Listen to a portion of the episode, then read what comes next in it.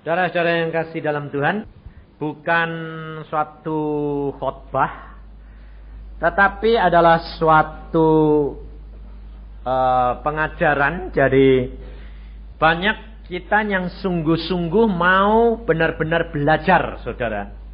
Karena masa-masa ini adalah masa yang sangat gawat. Gawatnya apa? Banyak anak-anak Tuhan itu hanya sementara-sementara saja. Kita merasa terus terang saudara. Justru yang anak-anak SMA, SMP, mahasiswa permulaan. Lo kok berani ngadakan gini padahal no sen. Terus terang kalau anak-anak itu uang jajannya berapa toh? Saya yakin kalau sekira-kira saudara orang tua yang disuruh ngadakan gini mikir seribu kali. Biayanya berapa transportnya berapa musiknya berapa ininya ininya tetek bengek tidak jadi. Karena apa? Banyak perhitungan. Lalu kekhawatiran masuk dan akhirnya mundur. Betul tidak tapi mengapa kalau anak-anak itu jadi? Karena apa? Belum ngerti. Ya toh? Karena apa? Tuhan Yesus berkata kalau engkau mau masuk kerajaan surga harus seperti anak-anak. Maka lebih baik ngerti atau lebih baik tidak ngerti? Hah? Ngerti tidak mampu lebih baik tidak ngerti tapi mampu. Betul tidak? Hah? Makanya itu saya terus terang. Selama saya mengenal Tuhan dari kecil. dari Tambah lama tambah sekarang umur saya sudah 53 tahun. Tambah lama rasanya tambah bodoh. Tambah tolol. Sampai saya bilang, Tuhan aku ini malah tidak ngerti apa-apa. Saya bilang. Tapi di buku silat, saya juga silat dulu sih. Dulu. Kalau pendekar itu tambah bodoh, tambah pinter. Katanya. Kalau saya pikir, orang dunia aja kok tahu. Padahal Tuhan Yesus berkata, kalau engkau mau masuk kerajaan surga, kau mesti menjadi anak ke. Anak kecil itu ngerti apa? Orang tua kerap kali bilang, kamu ngerti apa toh? Nah, betul enggak? Ini loh tanya papa yang penting. Sudah makan garam dunia. Tidak tahunya malah bodohnya setengah mati, saudara. Kenapa? Karena orang tua sekarang ini kerap kali karena khawatir. Masalahnya itu masalah khawatir, saudara. Jadi bukan masalah takut, masalah apa, tapi masalah khawatir. Saya akan bacakan satu ayat. Mari kita buka di dalam Hosea pasal 4. Hosea, Nabi Hosea. Jadi kitabnya Nabi Hosea. Hosea pasal 4 ayat yang ke-6.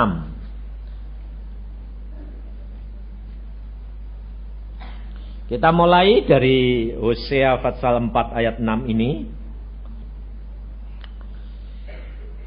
Hosea pasal 4 ayat 6 perjanjian lama.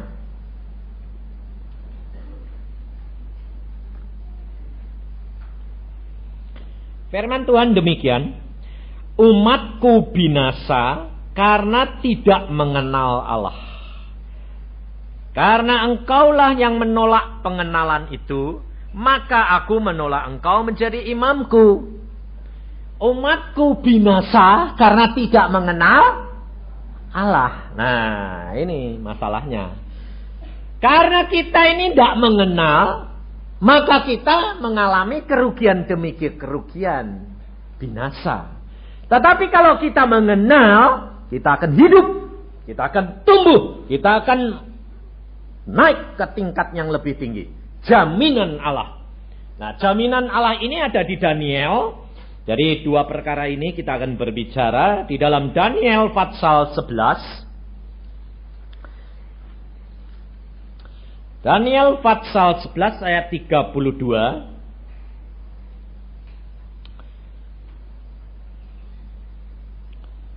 Terakhir yang saya akan bacakan semuanya dan orang-orang yang berlaku fasik terhadap perjanjian akan dibujuknya menjadi murtad dengan kata-kata licin.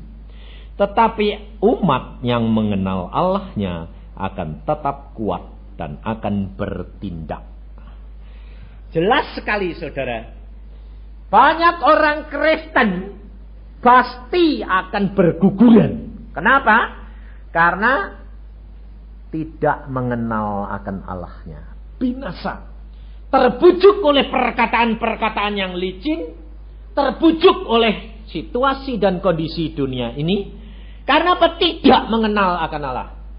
Untuk mengenal akan Allah, saudara perhatikan, kita harus lihat dulu Allah. Dari sudut Allah.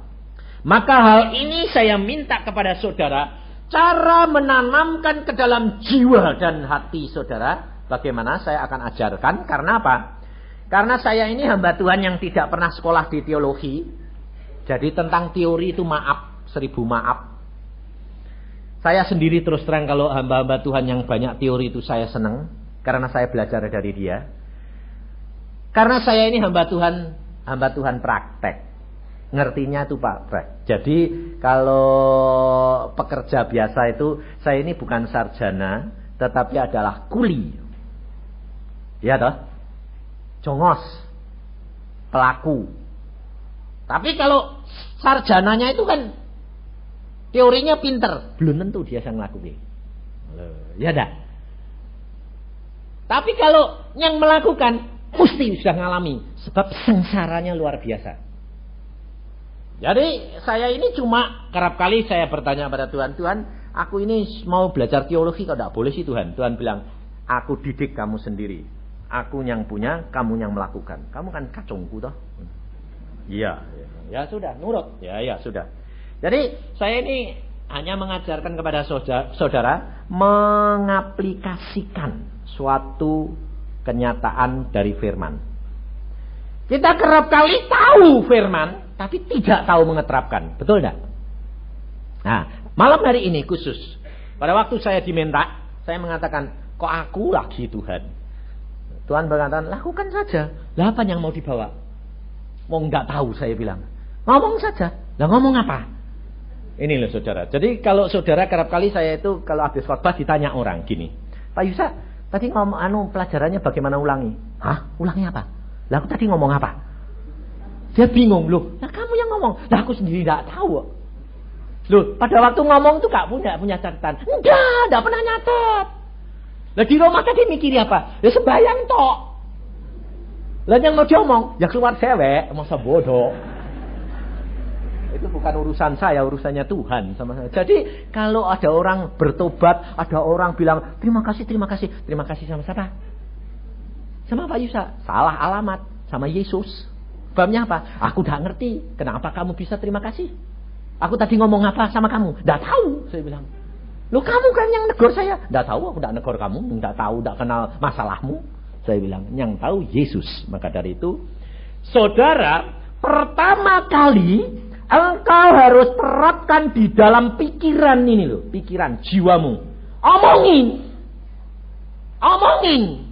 Nah, sekarang bagaimana saudara cara ngomong sama jiwa? Nah, bagaimana? Loh, kamu ini kenal jiwamu enggak? Ngomongin. Ya ngomong. Ya ngomong bagaimana? Ya ngomong. Kalau sembayang gini, karena di dalam tubuh ini ada apa? Roh, jiwa, dan tubuh. Tubuh bisa jejak ngomong enggak? Hmm? Nah ini masalahnya. Makanya itu yang bisa. Saudara berkata, dalam nama Tuhan Yesus, sembuh, sembuh. Ayo, tubuhnya sembuh enggak? Lah kok nurut? Karena bisa dijak omong. Kamu ini bagaimana? Ini saudara itu tidak taunya kenapa. Makanya kalau sembuh sebayangan gini. Tuhan sembuhin dong Tuhan. Tuhan sembuhin dong. Tidak bakal sembuh. Tuhan berkata. Aku sudah beri kamu kuasa. Jadi praktek. Caranya bagaimana? Tanganku sakit rematik. Dalam nama Tuhan Yesus. Eh tubuh sembuh sembuh sembuh. Yesus berkata kamu sehat, sehat, sehat. Tubuhnya kasih tahu. Diomongi. Kok bilang nggak bisa? Bagaimana? Lah kalau kamu punya pikiran belum-belum sudah bilang tidak bisa, tidak bakal bisa. Kapan bisanya? Aku ngajari siapa? Harus mulai. Nah, terus kemudian yang penting ini jiwa. Jiwa ini. Caranya ngomong begini. Hai jiwaku. Nah, ngomongin. Kira-kira yang biasa ngomong sendiri gitu orang siapa? Siapa? Hah? Orang gila. Jadi kalau saudara belum dianggap orang gila, belum Kristen. Karena belum kenal. Allah itu kelihatan enggak? Enggak. Lah bagaimana kamu bergaul akrab dengan Allah? Wong dia enggak kelihatan. Ayo. Allah enggak kelihatan, tapi kamu mau bergaul akrab. Ah, sama siapa? Sama Allah mana? Tidak kelihatan. Eh, gila dah. Gila, makanya itu jangan khawatir kalau kamu dicap gila. Lebih baik dicap gila tapi menjadi berkat dan menyenangkan hatinya Allah daripada dicap orang baik tapi tidak menyenangkan hati Allah masuk neraka. Maka dari itu saudara harus mulai belajar. Pertama tanamkan di dalam hati dan pikiranmu bahwa segala perkara dapat di ajak bicara. Yesus berkata kepada murid-muridnya, kepada orang Parisi, ahli Taurat, apabila mereka ini diam, batu-batu akan memuji dan memuliakan nama Allah. Betul tidak? Bisa diajak ngomong tidak? Nah, ayo. Beliam pada waktu keledainya dipukuli, keledainya dibuka mulutnya sama Allah, ngomong dia. Tidak manusia yang ngomong sama keledai. Keledai yang ngomong sama manusia. Kalau engkau diajar Tuhan tidak nurut-nurut. Batu-batu ngomong sama kamu nanti. Rugi kamu. Kamu dijadi batu, batu ini jadi kamu. Maka dari itu saudara mesti mulai hari ini berubah cara berpikirnya. Pandangan kita. Karena saudara sudah nyanyi, engkau adalah anak-anak Allah. Allah berkata, jadilah terang, jadi terang. Betul enggak? Nah, batu-batu dijadikan, debu dijadikan jadi manusia. Jadi, debunya bisa melakukan firman Allah enggak? Bisa toh? Nah, bisa diajak ngomong toh? Nah, kalau kamu anaknya Allah, kamu tidak bisa ngomong sama barang-barang. Nah, bagaimana? Ayo kamu. Nah, sekarang malam ini berubah cara berpikir. Setelah kita tahu begitu, cara berpikir gitu, ini tanamkan loh. Nah caranya begini, nanti kalau pulang, mesti punya jam doa. Semua. Kalau mau berhasil dan mau mengenal Allah, harus punya jam doa sendiri. Tidak rombongan. Tiap-tiap orang punya jam doa sendiri. Nah, karena kalau engkau bilang akrab, akrab itu rombongan atau sendiri-sendiri? Hah? Bisa satu orang akrab sama sepuluh orang? Tidak bisa. Satu dibagi sepuluh. Tapi kalau namanya akrab, orang itu dengan orang itu sendiri. Coba, orang yang punya istri dua, bisa akrab? Ribut terus. Apalagi Salomo istrinya seribu.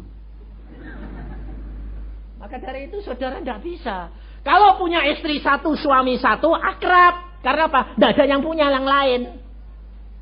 Maka dari itu Allah merindukan akrab dengan engkau pribadi. Tidak rombongan. Memang kita perlu saling mengisi, tetapi keakraban ini pribadi. Maka harus punya jam doa. Setelah punya jam doa, kamu berdoa dan mulai diomongi jiwanya. Jiwa, engkau harus kenal Allahmu. Omongi jiwamu. Maka dari itu jangan khawatir, tapi dik ngomong terus terang, terutama ibu-ibu atau bapak yang suami atau istrinya belum tertobat, jangan keras-keras. Jadi nanti dok kamar rame ngomong sama siapa? Diinceng, wah sudah sinting ini, sinting ini, payah. Ngomongnya pelan-pelan Tuhan tuh denger, ndak usah teriak-teriak. Ngomong tapi ngomong jangan Tak usah ngomong tak Tuhan dengar. Mulut ini harus digunakan.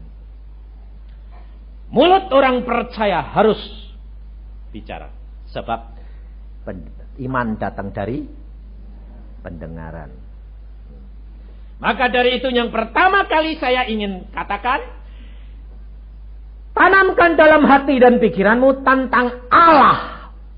Pertama kita harus mengenal, oh Allah yang kami ingin akrab dengan dia. Mengapa orang Kristen kerap kali gagal dalam hidupnya dan kecewa? Karena dia tidak mengenal akan Allahnya dan tidak tahu pribadi Allah ini. Dan jiwa dan pikiran dan hati dan rohnya ini tidak mengerti. Sehingga kerap kali kurang ajar. Seorang anak yang dia percaya yang sungguh dan mengenal akan orang tuanya. Tidak bakal kurang ajar. Betul tidak? Kapan dia kurang ajar? Kalau dia merasa dia lebih mampu. Betul tidak? Ini loh saudara. Maka dari itu kenali. Pertama, kalau saudara mau kenal Allahmu yang sesungguhnya, kau harus baca perjanjian lama. Di dalam perjanjian lama, itu sifat perangai Allah mutlak. Allah mutlak. Kelihatan jelas sekali. Dan Allah itu maha kuasa, maha adil, maha tahu, maha bijaksana, maha kasih, tapi punya otoritas yang tidak dapat diganggu gugat. Lain daripada perjanjian baru. Perjanjian baru semuanya kasih, kasih, kasih, kasih, mengampuni, mengampuni, mengampuni, mengampuni. Loh, Yesus hampir tidak pernah menghukum orang, betul tidak? Nah, orang Kristen kerap kali pegangannya cuma perjanjian baru. Sebabnya apa? Kan kasih. Berbuat dosa, Yesus kasih. Minta ampun, Amin. Dosa lagi. Ini, ini ketipu setan. Mengapa Alkitab kita ini perjanjian baru dan lama? Karena Allah menghendaki saudara harus kenal pribadi dia sungguh-sungguh. Allah itu adil. Allah berkata, jikalau bangsa Israel itu berbuat dosa, lalu Musa mintakan ampun, Allah mengatakan, baik, aku ampuni. Tetapi aku tidak bebaskan mereka daripada hukuman. Oh, jangan enak-enak. Jadi tiap dosa harus ditanggung akibatnya. Jadi jangan bilang, kan sudah diampuni. Nah contohnya begini. Saudara berbuat zina. Karena penyakit AIDS. Iya toh? Sekarang AIDS toh? Nah, Bukan sipilis lagi, AIDS. Lalu bertobat, diampuni. AIDS-nya tetap nyentel tidak di tubuh. Hah? Tetap, jangan jangan. Kan sudah diampuni. Nah, yang paling gampang sipilis, hidungnya hilang. Karena penyakit sipilis hidungnya hilang, berbuat zina. Lalu dia bertobat, bertobat, bertobat. Ya aku bertobat, bertobat. Amin, amin. Terima kasih Tuhan, aku hatiku sudah lega. Hidungnya nempel lagi enggak? Hah? Hilang, tetap hilang. Ya hidung hilang. Lah kok tidak balik? Tidak lepas daripada hukuman. Maka dari itu kita kenali Allah. Allah yang asli artinya yang mutlak Allah pribadi adalah perjanjian lama. Di dalam perjanjian baru, di dalam pribadi Yesus, Allah mutlak dan manusia mutlak. Jadi kalau perjanjian baru di dalam diri Yesus, Allah dan manusia. Di dalam perjanjian lama, Allah mutlak. Engkau harus kenali Allah yang sesungguhnya. Maka dari itu pertama kita harus mengenali Allah pertama supaya kita ini bisa akrab bagaimana. Pertama kali Allah itu punya otoritas penguasa tunggal yang tidak bisa diganggu gugat. Kau harus kenali Allahmu bahwa Allahmu ini tidak ada, tidak mau kalau ada orang yang kamu lebih hormati. Pokoknya dia nomor satu. Dan engkau harus tunduk kepada dia. Ini tanamkan dalam jiwa dan rohmu. Sebab kalau tidak, engkau nanti bisa menyalahkan. Contohnya, kalau engkau minta-minta. Menghadapi masalah. Lalu minta-minta, tidak dijawab-jawab. Kadang-kadang saudara ngomel enggak. Sudah sembahyang tidak didengar. Dah tidak mau sembahyang. Kalau saudara ngomong gitu, yang rugi siapa? Kasih tahu jiwamu, yang rugi siapa? Wong Allah itu maha kuasa. Allah berkata, tidak usah ngomel, nanti kamu jadi bisu. Bisu. Susah. Sebab saya ini dulu waktu muda, saudara, nakal luar biasa dan nantang Tuhan. Sebab, kenapa saya disuruh gitu? Tuhan berkata, alami. Alami. Loh Tuhan, suruh ngalami semua. Ya, supaya apa? Supaya kamu, kamu kenal aku dan kamu bisa mengajar orang lain. Kalau tidak, kamu tidak bisa. Sebab saya ini kurang ajarnya luar biasa. Saya kalau berdoa dulu, Tuhan, ini gini gini gini gini. Saya ini boleh ndak nurut engkau atau nurut ayahku? Tidak dijawab. Loh Tuhan, aku ini mau turut engkau. Aku ini mau nurut engkau. Nurut engkau apa nurut papa? Tidak dijawab. Wah akhirnya saya ribut sama papa. Papa bilang, kalau kue kamu tidak nurut aku tak buang. Saya bilang, oke. Okay saya mau sembahyang dulu.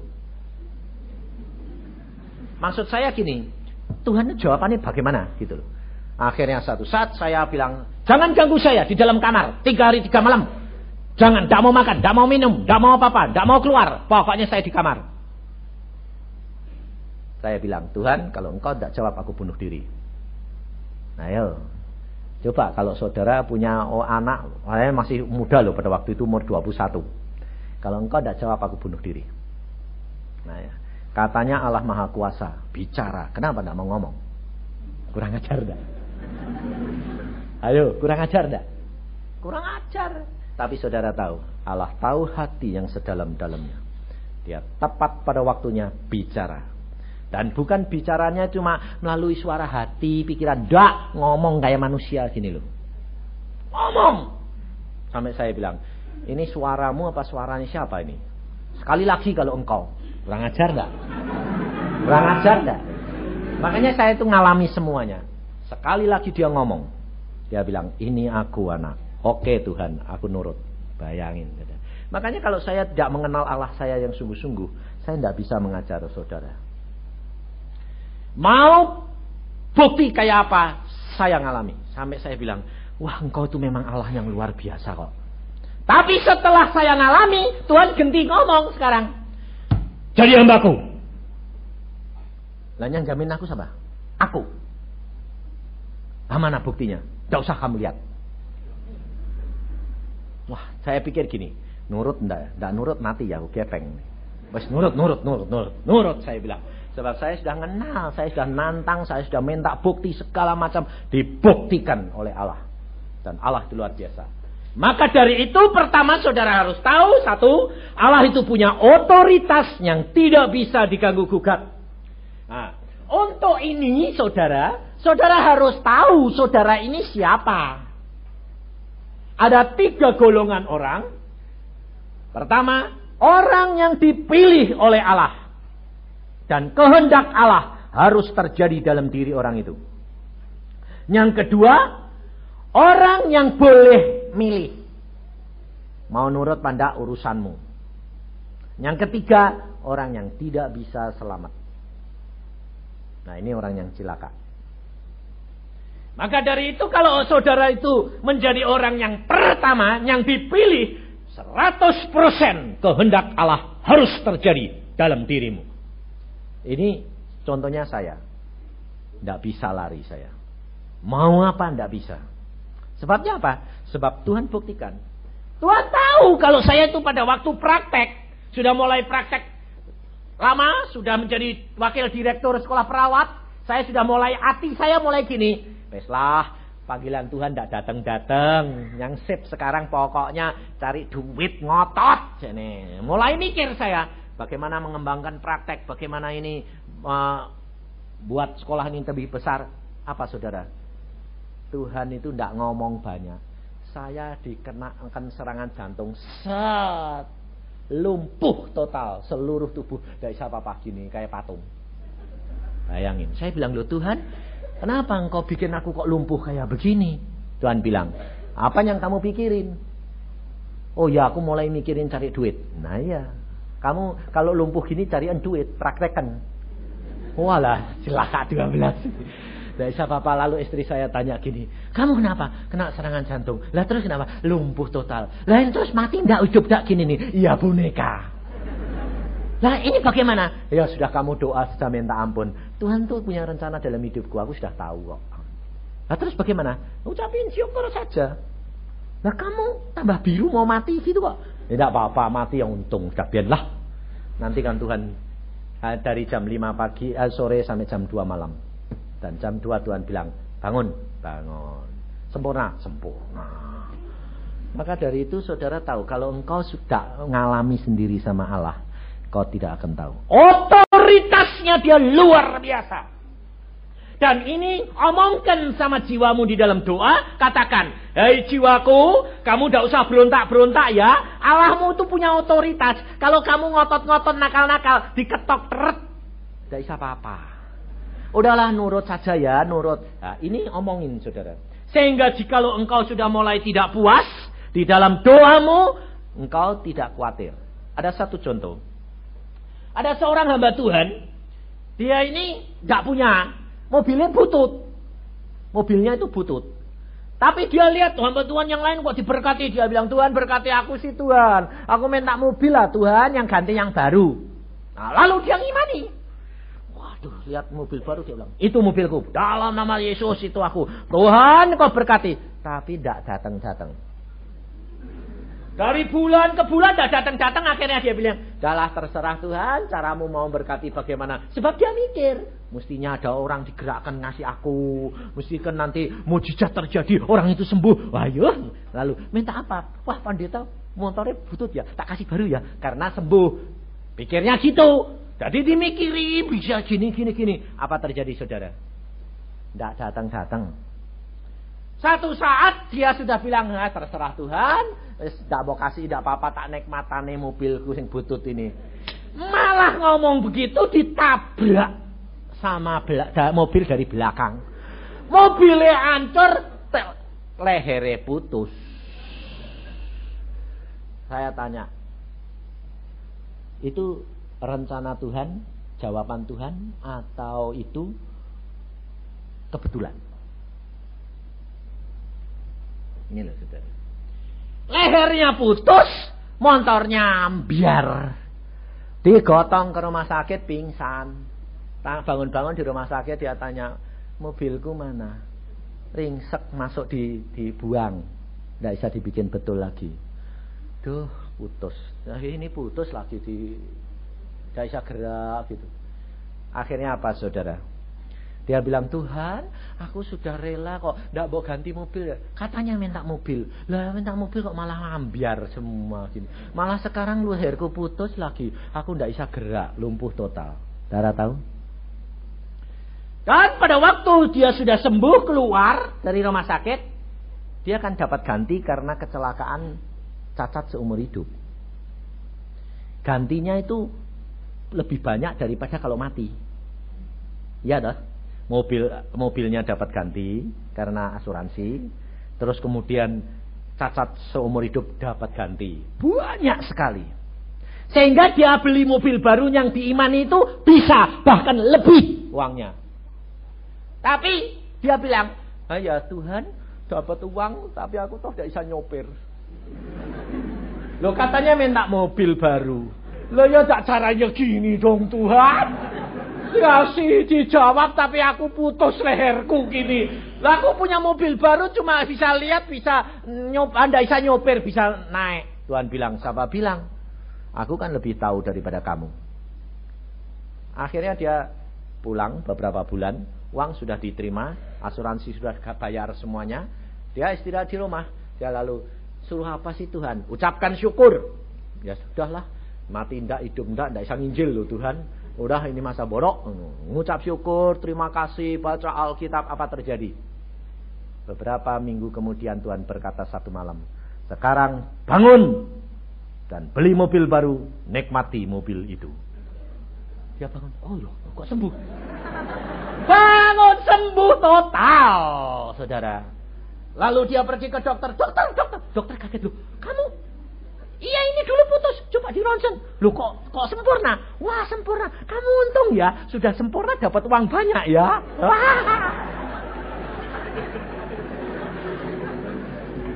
Lalu ngucap syukur dan dia pakai mobil baru. Saudara tahu rencana Allah bukan rencanamu? Mau ndak lihat mujizat Allah? Mau? Mau ngalami?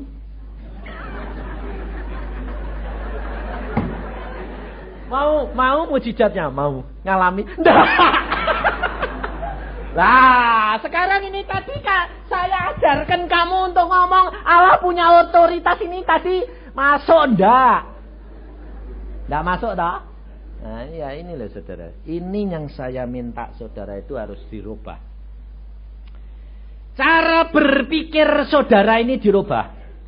Allah ini punya otoritas yang tidak bisa diganggu gugat. Setiap doamu mesti diterima oleh Allah. Pasti, pasti. Hanya makanya itu saya pernah dapat lihat Tuhan.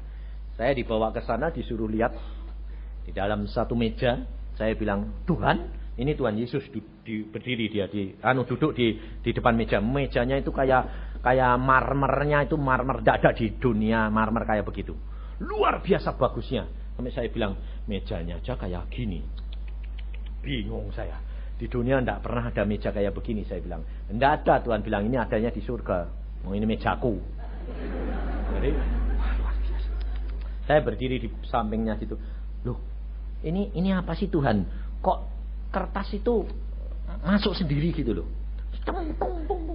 Tak lihat, tidak ada, tidak ada alatnya yang bisa nyortir, tapi masuk sendiri. Pelang, pelang, pelang. Bingung saya.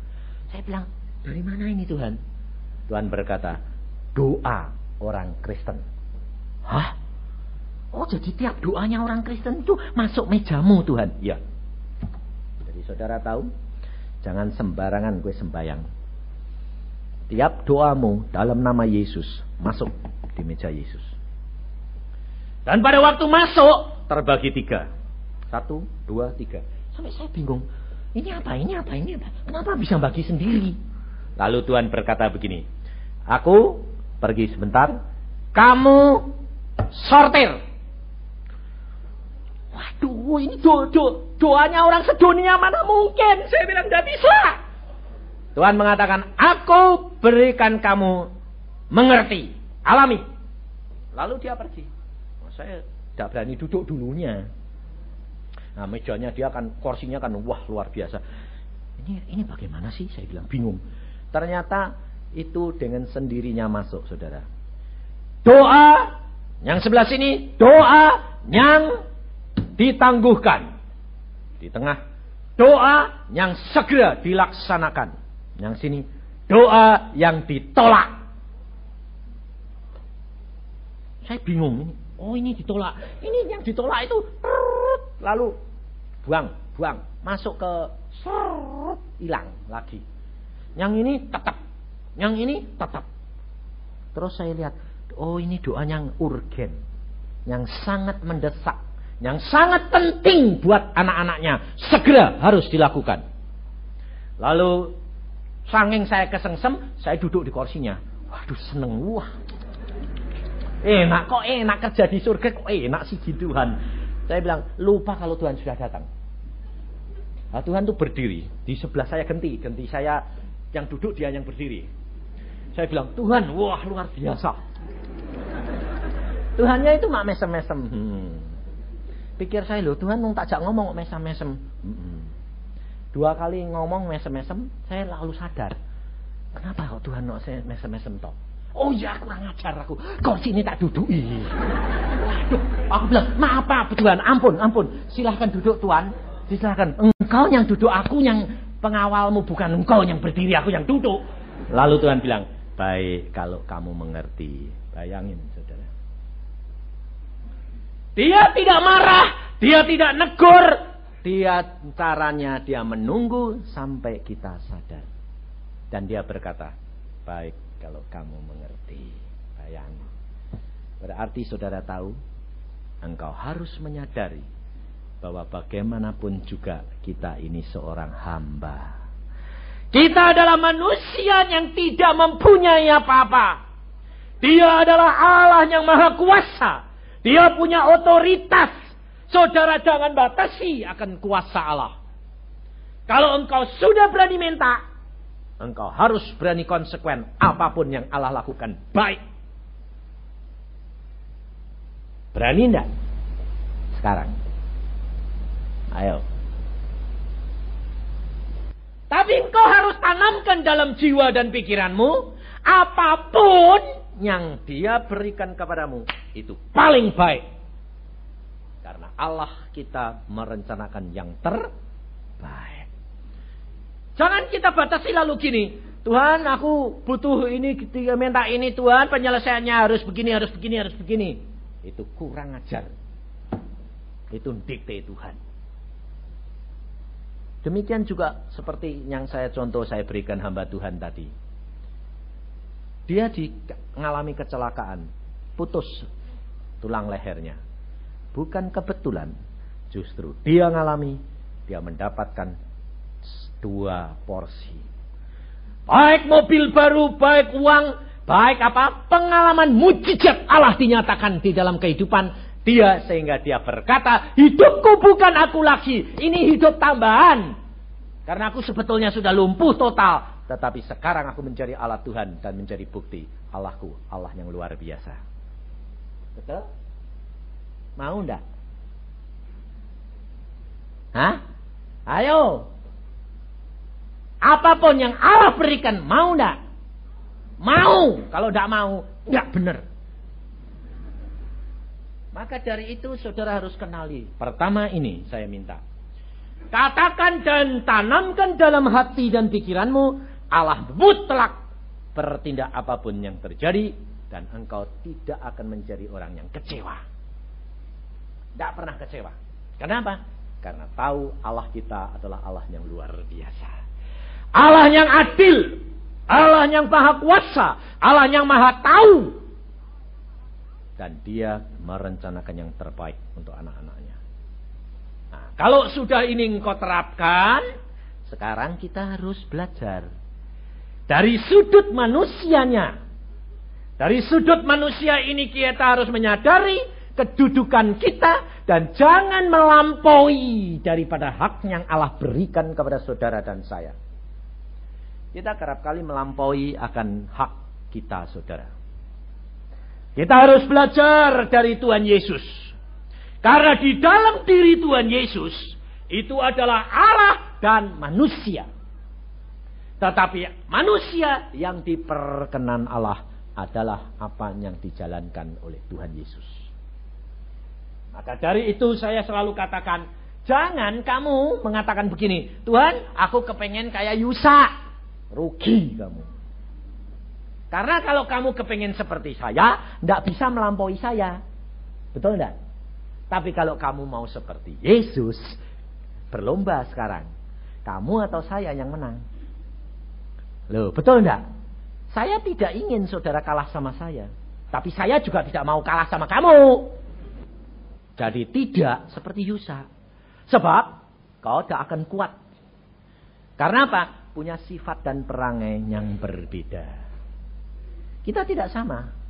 Saya orangnya keras hati. Saya tidak ada alternatif gini. Kalau saya mengalami sakit, lalu saya bilang gini, dah biarlah Tuhan sakit ya biar. Tidak pernah saya ngomong gitu.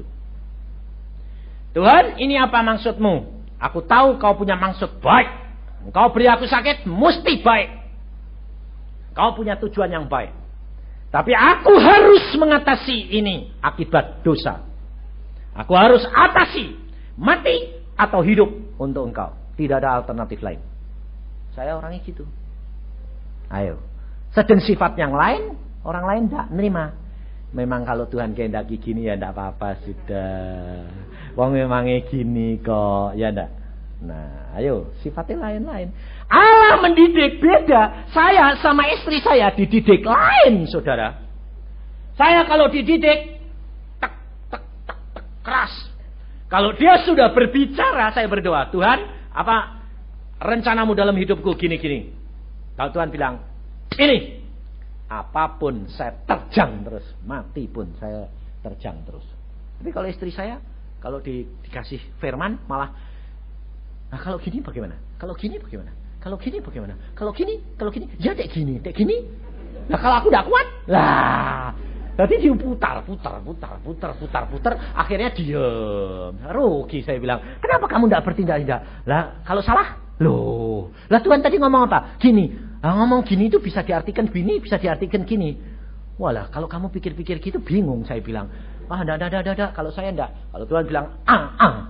Kalau salah, mati saya bilang. Nah kalau mati kan rugi. Urusannya Tuhan. Yarin saya bilang. Saya orangnya nekat. Sampai ayah saya bilang, orang kamu ini hidupmu kayak orang sinting. Iya memang sinting, memang kayak orang gila. Orang yang nekat kan gila tuh. Orang gila itu. Yang berani nekat tuh orang gila. Coba, orang gila kan jalan di tengah jalan. Loh, ada mobil kerasnya kayak apa dia nyebrang jalan, ya tak? Kayak orang waras kan enggak? Ada apa-apa enggak pernah takut. Orang gila itu punya takut enggak? Tidak ada. Maka dari itu saudara, kita punya perangai itu berbeda. Dan Allah kita mengasihi luar biasa. Engkau akan dididik Allah sesuai dengan perangaimu. Yang lemah lembut, lemah lembut. Yang sabar, sabar. Yang kasar, kasar. Jadi jangan batasi. Tapi saudara kerap kali gini. Tuhan aku kepengen seperti dia. Tapi tidak mau ngalami kayak dia. Lo jangan pakai Mau mujizatnya, mau mengalami. Tidak. Saya tidak. Saya berkata sama Tuhan. Tuhan aku kepengen seperti itu. Kamu berani ngalami? Mau. Mati? Mau. Saya itu mau. Apa saja? Mau, mau. Saya terus terang berkata sama Tuhan. Tuhan, aku mau ngalami apa yang Alkitab tulis. Abraham anaknya Engkau minta, berikan. Tuhan bilang, kamu mengalami? Ya, mau. Ya, Oke. Dan saudara tahu, saya ngalami.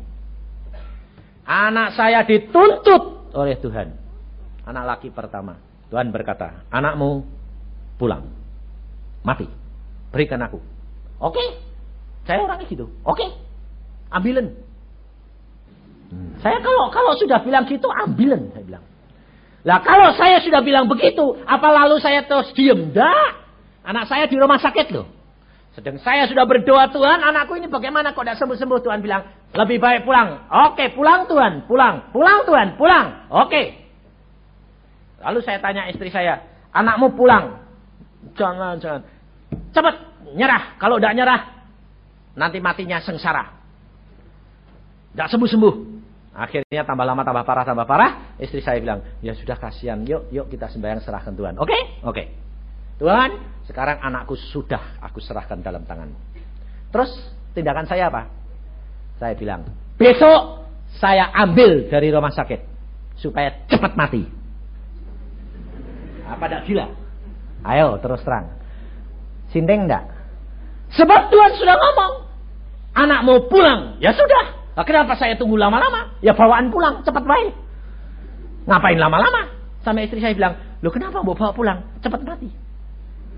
Lo kenapa? Lah Tuhan bilang, pulang kok. Ya sudah, dan cepat. Daripada menderita.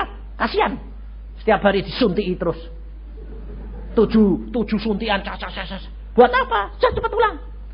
Nah istri saya sudah bilang, kamu kan janji sudah rela. Ya. Ya sudah. Jadi bawa pulang ya. Ya. Janji konsekuen. Kalau sudah rela, rela. Hmm, ya. Saya bawa uang. Masuk rumah sakit, nemuin dokternya. Dokter, anak saya mau saya pulang, bawa pulang. Belum sembuh, justru mau biar cepat mati. Dokter bilang, ini sinting ini orang. Langsung saya dikatain, sinting ini orang. Sebab saya sudah berdoa, Tuhan mengatakan pulang, pulang. Tapi dokter bilang, wah bingung dia. Gak bisa. Loh itu anakku bukan anakmu. Saya suruh bayari kamu terus. Tapi kamu jamin hidup enggak? Saya bilang. Ya saya cuma berusaha. Ah, ya, tapi terima duit tuh. Lah Allah sudah bilang mati kok. Mau apa? Saya bilang. Saudara tahu? Tapi pada waktu itu saya mau masuk rumah sakit ini mau bayar. Bayar anu. Tuhan ngomong, Tuhan ngomong sementara di jalan sama istri saya ini ngomong. Anakmu hidup. Karena engkau dan istrimu sudah menyerah total. Tuhan, kalau ini engkau sekali lagi anakmu hidup. Nah, istri saya sudah tahu. Pada waktu saya Tuhan ngomong sekali pertama kali itu, istri saya sudah tahu sebab saya kalau Tuhan ngomong saya saya dek, langsung konsentrasi. Jadi dia kan gandeng, tak gandeng, dia tahu. Tangan saya konsentrasi kan tahu dia. Dia lihat saya, wah Tuhan ngomong ini. Dia sudah mulai senang. saya bilang, terus saya ngomong pelan-pelan. Sekali lagi dong, Tuhan, kalau ini engkau. Ngomong lagi, anakmu hidup. Hari Senin, jam 9 pagi, bawa pulang. Oke, okay. terima kasih Tuhan. Langsung dia bilang, apa? Hidup! Tuhan bilang apa? Hidup, hidup. Kapan? Hari Senin, bawa pulang. Hidup. Nah, balik saya sama dokternya. Balik saya bilang gini, dokter, tidak jadi saya bawa pulang. Kenapa? Hidup. Lalu dia gini lagi. Karena pikirnya, mana mungkin. Lalu saya bilang hari Senin jam 9 anak ini hidup dan sembuh total. Dia bilang, kamu kan dokter gigi toh? Ya. Ngerti toh? Ngerti. Lah mana mungkin? Bagi kita tidak mungkin, tapi bagi Allah mungkin. Nah. Kira-kira kalau saudara tidak nekat gitu bakal jadi tidak? Hah? Lah iya. Abraham anaknya diminta, saya berikan. Sebab saya mau ngalami. Diberi, diminta. Ya. Tapi kalau Allah bilang hidup, hidup. Nyatanya belum hidup. Belum. Kemudian hari Senin saya datang. Saya tanya. Bagaimana dokter? Mana? Tidak ada perubahan. Nah istri saya diem saja. Sebabnya dia sudah tahu watak saya. Biarin. Jam 9 dokter. Itu jam 8. Jam 9 dokter. Ini kurang satu jam belum ada perubahan. Biarin. Terus dokternya ini saking dia mau praktek tapi tidak bisa praktek karena sudah janji sama saya. Dia janji sampai jam 9 nungguin anak ini.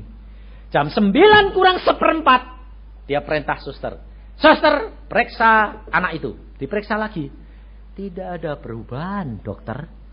Tuh lihat tuh. Jam 9 dokter. Dia bilang, wah saya ini rugi tidak praktek ini. Berhadapan sama orang sinting dia bilang. Iya. Sampai saya jengkel juga akhirnya. Dokter pokoknya jam 9 buktikan saya yang sinting atau dokter yang sinting. Saya bilang gitu. Buktinya jam 9. Siapa yang ngomong? Allah. Saya bilang. Tuhanku yang ngomong. Dan dia orang Katolik loh. Orang Kristen. Dokter ini orang Kristen enggak? Iya. Kenapa kamu tidak percaya kalau Tuhan bisa bicara? Belum pernah. Nah iya, saya bilang. Ini buktiin, saya bilang. Tuhan ngomong apa? Dia berkata jam 9 anakmu hidup sempurna. Dan saya bilang, buktiin. Jam 9 kurang beberapa menit, saya bilang, ambil anak itu, buktiin. Diambil anak itu. Sembuh total. Tepat jam 9. Persis jadi Ya ada, waduh ajaib pada ini. Sempurna. Oke, oke, saya baru percaya. Kalau Allah itu sanggup lakukan segala perkara. Saudara tahu? Dan dia berkata, bawa pulang anakmu.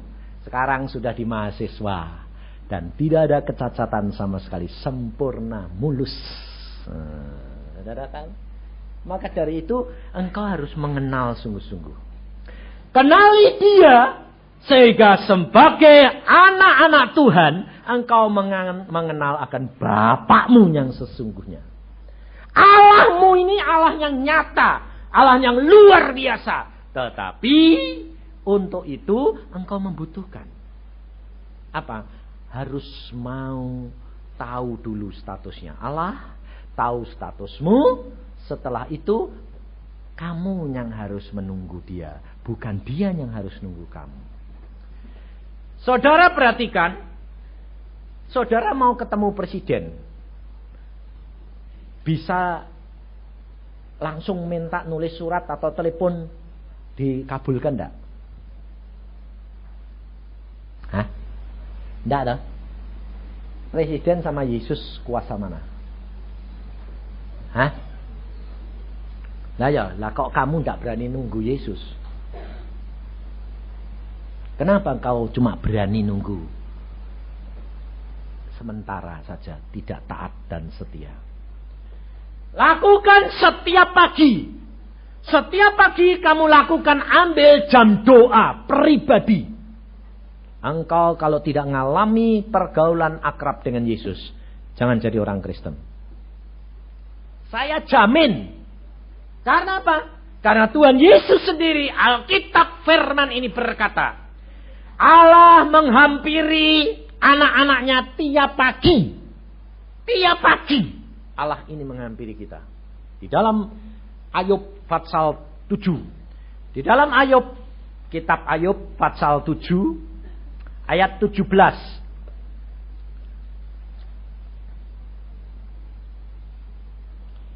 Ayub pasal 7 ayat 17. Apakah gerangan manusia sehingga dia kau anggap agung dan kau perhatikan dan kau datangi setiap pagi? Ini firman Tuhan, saudara.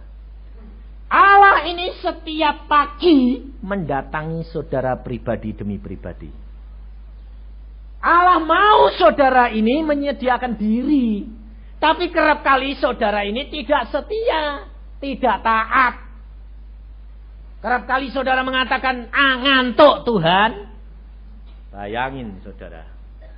Padahal Tuhanmu menantikan engkau setiap pagi, tiap pribadi dikunjungi. Firman Tuhan berkata apa? Berkat diberikan kepada orang yang sedang tidur. Kalau kamu tidur, itu Allah mengirim berkat. Karena apa? Seharian kamu sudah kerja. Seharian kamu sudah melakukan firmannya. Malam dia beri upah. Orang bekerja. Kalau sudah selesai upahnya datang. Betul tidak? Demikian kau. Kalau engkau bangun pagi datang. Tuhan datang membawa berkat. Karena pagi itu kan sebetulnya tidurnya masih tidur. Toh. Tapi karena pagi itu sudah tidur berapa jam, engkau bangun menghadap kepada dia, menyenangkan hati dia, berkatnya sedang anu, wah baik anakku menantikan aku. Bukan nantikan berkatnya, nantikan Yesus. Dia datang, pasti dia akan bercakap-cakap dengan engkau. Ini loh saudara. Dan kalau engkau sudah ngalami bersama dengan dia, Pertama, Yesus itu tidak banyak bicara. Tetapi kerap kali hanya kehadiran dia yang kau rasakan. Doa itu rasanya enak gitu. Ngantuknya hilang. Tapi kok suasananya itu kok damai sejahtera. Enak gitu. Itu kehadiran dia mulai kamu rasakan. Dengan merasakan kehadiran dia, engkau mulai mengenal. Setelah itu nanti engkau tahu. Dia senang. Dia sedih karena perbuatanmu. Kau tahu. Setelah itu nanti dia bicara. Kalau dia sudah bicara saudara. Tidak akan dapat melupakan seumur hidupmu. Apalagi kalau kamu pernah didatengin. Dan sampai masuk lagi ke tingkat sampai kenyataan. Engkau dapat merasakan jamahan belayan dia. Saya dua kali ngalami selama hidup saya. Sedang berdoa gini. Jam tiga siang, belum tidak malam, siang malam. Doa. Tuhan datang. Yusa, aku mengasihi engkau. Dilus-lus kepala saya. Sampai saya bilang, kok kok terasa sekali sih Tuhan. Tanganmu, saya pegang tangannya. Kok empuk kayak kapas ya Tuhan. Sayang. Tapi itu bisa dirasakan. Banyak hamba Tuhan tidak percaya. Sekarang kalau tidak percaya, saudara coba perhatiin. Untung saya apa kalau saya itu bohongi kamu? Nah, wong pembohong tidak masuk surga. Betul tidak? Kan saya cuma jadi calo surga. Surga, surga, surga, surga. Kamu masuk surga, saya ketinggalan. Buat apa? Sedang saya harus berlomba dengan engkau. Saya tidak mau ketinggalan. Sebab saya menyaksikan, Yesus sudah pesan kepada saya, saksikan, katakan, beritakan apa yang engkau alami karena aku sendiri yang mendidik engkau. Saudara tahu? Kehidupan kekristenan ini nyata. Tambah lama tambah nyata, tambah lama tambah nyata. Kalau engkau bergaul karib, mengapa? Karena Yesus sudah mengajar kepadamu dan kepadaku. Bagaimana caranya harus hidup di dalam dunia? Maka besok saya akan teruskan ini sudah satu jam ya. Waduh. Ini kalau kalau seminar ini lamanya anu susah ini satu satu satu satu ini jadi panjang. Saya akan uh, minta supaya saudara baca di dalam Yesaya supaya buat PR besok. Sebab besok akan dikupas perkara yang manusia ini, manusia kita ini loh. Jadi kita ini bagaimana supaya benar-benar bisa menyenangkan hatinya Tuhan ini.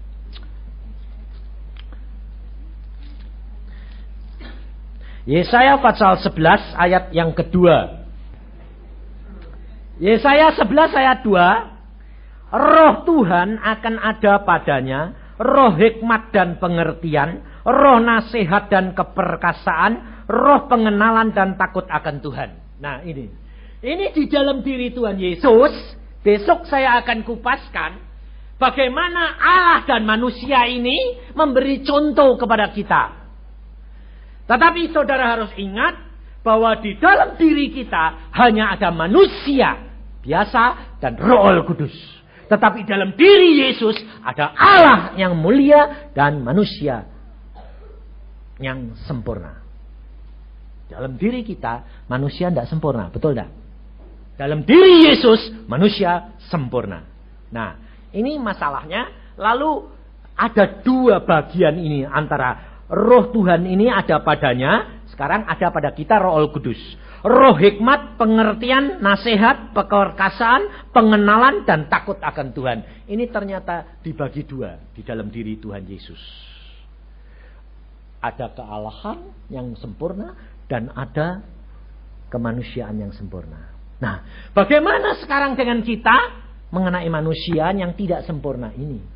Harus bertindak bagaimana dengan adanya pertolongan Roh Kudus ini, kita nanti bisa akrab dengan Dia.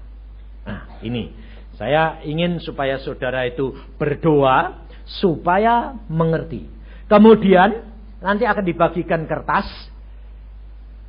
Apa yang saudara mau tanyakan, berhubungan dengan ini, masukkan. Tulis. Supaya saya gumulkan. Mana yang saya harus jawab. Jadi saudara, saya ingin supaya saudara ini benar-benar mengenal. Dan saudara lakukan pagi ini. Besok mulai pagi. Cari hari, anu saat yang teduh buat saudara bangun. Berdoa sendiri. Pra, praktekkan. Engkau akan melihat kuasa Allah nyata dalam hidupmu. Saya jamin. Asal kau setia loh. Taat, tekun, motivasinya mau dekat. Jangan mau minta berkat. Berkat itu otomatis. Percaya. Ini satu bukti. Saya tutup dulu karena ini sudah setengah sembilan. Ada satu orang yang saudara dia setia sungguh-sungguh apa yang saya katakan dia setia sungguh-sungguh dia lakukan. Lakukan pagi hari lakukan apa yang dia minta Tuhan beri. Sampai dia berkata, "Wah, luar biasa Tuhan itu. Kenapa aku dari dulu tidak mengenal dia?" Karena orang ini ternyata sudah tujuh tahun tidak punya anak. Sudah pergi ke dokter-dokter tidak bisa punya anak. Dokter bilang, sudah obat ini, obat ini, cobai semua. Tidak jadi semuanya. Apa terjadi? Dia datang, saya berkata, lakukan, berdoa bersama tiap pagi, ucapkan syukur, menghadap kepada Tuhan. Tuhan akan dengar. Dan dia lakukan hanya sekitar dua bulan. Apa terjadi? Punya anak. Tuhan berikan anak. Diperiksa dokter, betul mengandung. Sampai dokternya heran-heran. Siapa yang nganu? Yesus. Hmm. Makanya itu saudara, Yesus itu mau menyatakan dirinya untuk menghampiri engkau. Tergantung daripada engkau. Mari kita berdoa.